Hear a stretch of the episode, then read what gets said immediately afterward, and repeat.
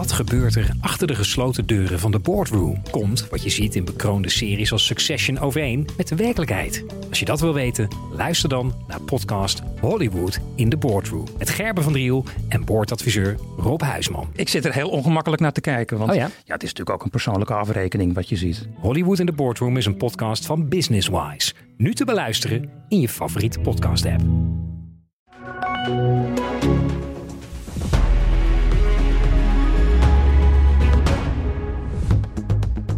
Om consumenten te beschermen komt het kabinet vandaag met een wetsvoorstel om het plaatsen van neprecensies op internet te verbieden. Gerard Spierenburg is van de Consumentenbond.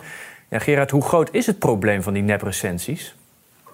Ja, dat is heel groot. Uh, ik denk dat ook heel veel consumenten de recensies op internet niet altijd even serieus meer nemen. We hebben hier in 2019 ook onderzoek naar gedaan en toen kwam al naar voren dat het heel eenvoudig is om nepreviews te plaatsen. Je kunt ze ook overal kopen eigenlijk. Winkels wisselen ze onderling uit, dus dat probleem is best wel fors. En ik denk ook dat het goed is dat hier tegen opgetreden wordt. Want het is vooral zo dat de bedrijven zelf hun producten proberen aan te prijzen met die neprecensies, hè?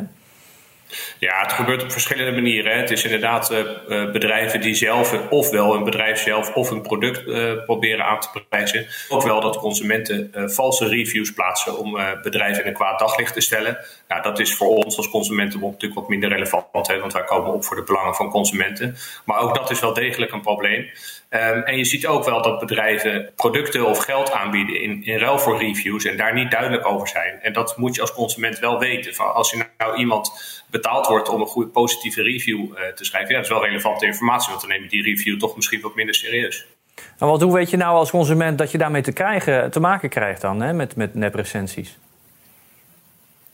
Ja, dat weet je vaak niet zo goed. Je kunt wel wat uh, uh, onderscheid maken. Wij zeggen altijd, kijk nou goed naar de inhoud van zo'n recensie. Kijk, als iemand uh, alleen maar schrijft topproduct of iets dergelijks, zo'n regel, eenregelige recensie, daar kun je eigenlijk niet zoveel mee. Je moet echt goed kijken van nou, dit bedrijf is wel goed of niet goed, want. Hè, dus dat je kijkt naar de onderbouwing ervan, dat, daar heb je veel meer aan dan het aantal positieve beoordelingen. want dan zie je ook uh, steeds dezelfde dingen eigenlijk wel terugkomen. Hè? Of, of een product of een bedrijf wel of niet goed is. Dus ja. daar kun je veel beter naar kijken. Want hoe kijkt de Consumentenbond dan nu aan tegen dat wetsvoorstel dat er nu ligt? Nou, dat is hartstikke goed. Kijk, voorheen waren er wel regels. Uh, was het plaatsen van recensies ook niet toegestaan. De toezichthouder, de autoriteit Consument en Markt, heeft er ook tegen opgetreden. Alleen het plaatsen van neprecensies was niet uh, specifiek in de wet opgenomen. En dat gebeurt nu wel en dat maakt handhaving makkelijker. En het biedt ook de toezichthouder de ruimte om uh, strenger te straffen. En dat is hartstikke goed, denk ik. Ja, want over dat handhaven, gaat zo'n verbod echt helpen dan om dat probleem aan te pakken? Ja, daar, kijk, dat hangt natuurlijk ook af van de intensiteit waarmee de toezichthouder optreedt. Uh, een wetsvoorstel op zich, of een wet op zich, daar heb je natuurlijk niet zoveel aan. Het komt met name aan op, op die handhaving. Maar ik weet wel dat de autoriteit consument, consument en markt hier echt serieus werk van maakt. Die hebben dit hoog op de agenda staan. Dus uh, ja, het zal zeker helpen, denk ik. Gerard Spierenburg van de Consumentenbond, dankjewel. Nederland wordt steeds minder aantrekkelijk voor bedrijven die zich hier willen vestigen. Daarvoor waarschuwen werkgevers, professoren en onderwijsorganisaties. Ingrid Thijssen, voorzitter van de werkgeversorganisatie VNO-NCW. Ja, Ingrid, waarom is Nederland niet meer aantrekkelijk genoeg voor die bedrijven? Ja, we hebben daarover inderdaad uh, vandaag met een hele groep uh, Nederlandse bestuurders uh, een brief gestuurd aan de informateurs, omdat we ons daar zorgen over maken. Dat gaat over zaken als wonen, wat natuurlijk een bekend probleem is, maar wat ook vanuit hè, de vraag of een bedrijf hier bijvoorbeeld een nieuwe fabriek wil bouwen heel relevant is. Het gaat natuurlijk ook over het onderwijs. Het gaat over de randvoorwaarden om te kunnen verduurzamen in Nederland. Maar het gaat zeker ook over ja, wat je dan noemt de stabiliteit van ons overheidsbeleid. He, want een ondernemer die gaat investeren, die bijvoorbeeld een nieuwe fabriek gaat bouwen, die, ja, die wil heel graag uh, weten waar die aan toe is. En dat regels niet zomaar veranderen. Nou, daar was Nederland altijd heel goed in, maar dat is de laatste jaren steeds minder het geval. En daarom komen we vandaag met een brief en een manifest met maatregelen waar we met een nieuw kabinet aan willen gaan werken. Want wat zijn dan de gevolgen dat Nederland minder aantrekkelijk lijkt te worden voor die bedrijven?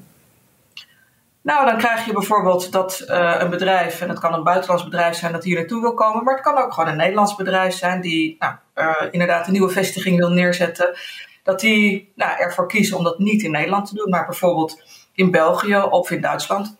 Kan je specifiek zeggen waar op dit moment de overheid kansen laat liggen?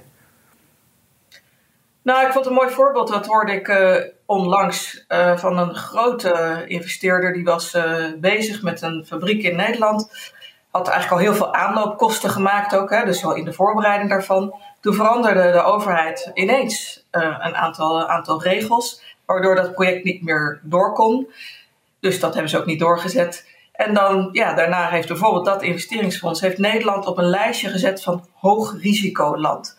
Ja, dat is toch wel ongekend. Dat was in het verleden eigenlijk nooit zo als het ging over Nederland. Nederland was altijd juist een heel goed voorbeeld in de wereld van een land waar het aantrekkelijk is om te investeren.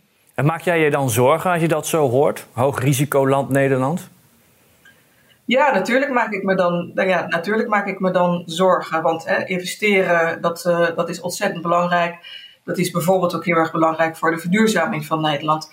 Dus het is, ja, het is heel zorgelijk als er dit soort geluiden komen. In het kort, wat zou de Nederlandse overheid nog kunnen doen om, om ons land aantrekkelijker te maken voor de bedrijven? Nou, een aantal dingen zij liggen natuurlijk al op de tafel van, uh, van een formerend kabinet. Hè. Dat is uh, bijvoorbeeld het woningvraagstuk of het stikstofvraagstuk. Die moeten natuurlijk opgelost worden. Maar ik denk dat het ook ontzettend belangrijk is dat de overheid zich realiseert ja, dat ze stabiel beleid moeten maken met regels die niet de hele tijd veranderen. Bijvoorbeeld niet, hè, wat een aantal weken geleden gebeurd is, zomaar op een achternamiddag de winstbelasting verhogen, die dan ineens hoger is dan gemiddeld in Europa. Ondernemers hebben ontzettend veel baat bij en behoefte aan stabiliteit. Helderheid over de regels. Duidelijk. Ingrid Thijssen van VNO-NCW, dankjewel. De vrouw die deze zomer een enorm ongeluk veroorzaakte in de Tour de France staat vandaag voor de rechter. De 31-jarige Française toonde een kartonnen bord met de tekst Allez Opiomi aan de camera, waarmee ze het parcours op ging staan.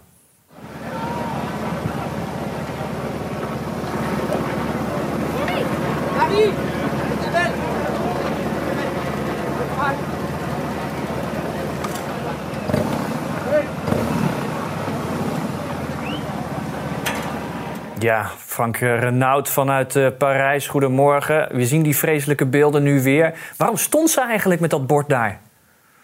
Nou, ze zegt zelf dat ze daar stond om de groeten te doen aan haar opa en oma. Duits sprekend, vandaar de woorden Allee, Opi, Omi. Uh, hup, opa en oma, zou men zeggen.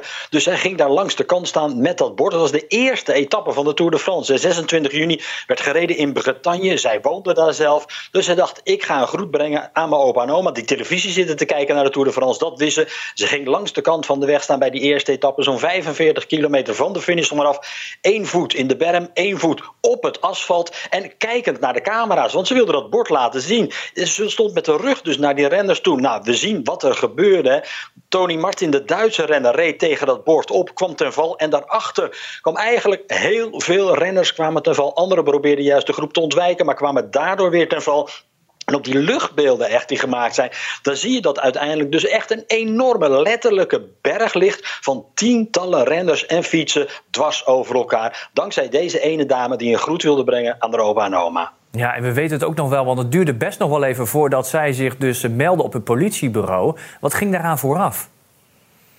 Nou ja, zij zei dat ze redelijk in shock was door wat er was gebeurd. Zo, ze is naar huis gegaan en na een dag of vier inderdaad meldde ze zich met haar echtgenoot op het politiebureau om te zeggen: Ja, ik was het. Want ze had gezien wat er gebeurd was allemaal in de media. Die beelden van haar met haar petje op, met het bord, gingen heel de wereld over. En dat niet alleen. Ze kreeg ook enorm veel verwensingen over zich heen. Vanuit heel de wereld kwamen er scheldkanonades. Ze werd voor alles en nog wat uitgemaakt. Ze werd ook met geweld bedreigd, zelfs door wat ze had aangericht bij de Tour de France. Dat liet de politie achteraf Dus pas na een dag of vier was ze van de shock bekomen. Is ze naar het politiebureau toegegaan en zegt ze: Ja, ik was dat die daar stond met dat bord. En heeft daar zelf over verteld. Het was een enorme stommiteit die ik heb begaan. Gewoon. Het was heel erg dom wat ik heb gedaan. Maar ik wilde gewoon die groet brengen aan mijn opa en oma. En ze was vooral heel erg in shock door alles wat ze zich overheen, over zich heen kreeg die dagen. En daarom duurde het zo lang voor ze zichzelf melden. Ja, de tourorganisatie die begreep dat verhaal. Hè. Die besloot geen aanklacht in te dienen. De wielervakbond uh, wel met een opvallende eis. Welke?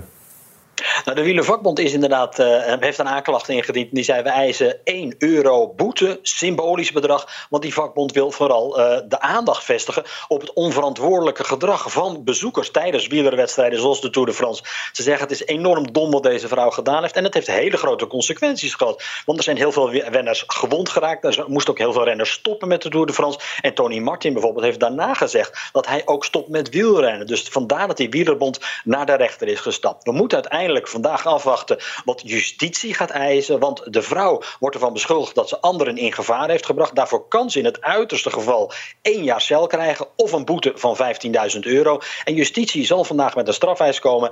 En dan moeten we wachten op de uitspraak van de Franse rechter. En wanneer is die?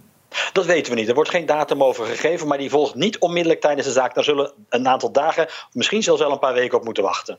Goed. Frank Renaud vanuit uh, Parijs, dankjewel.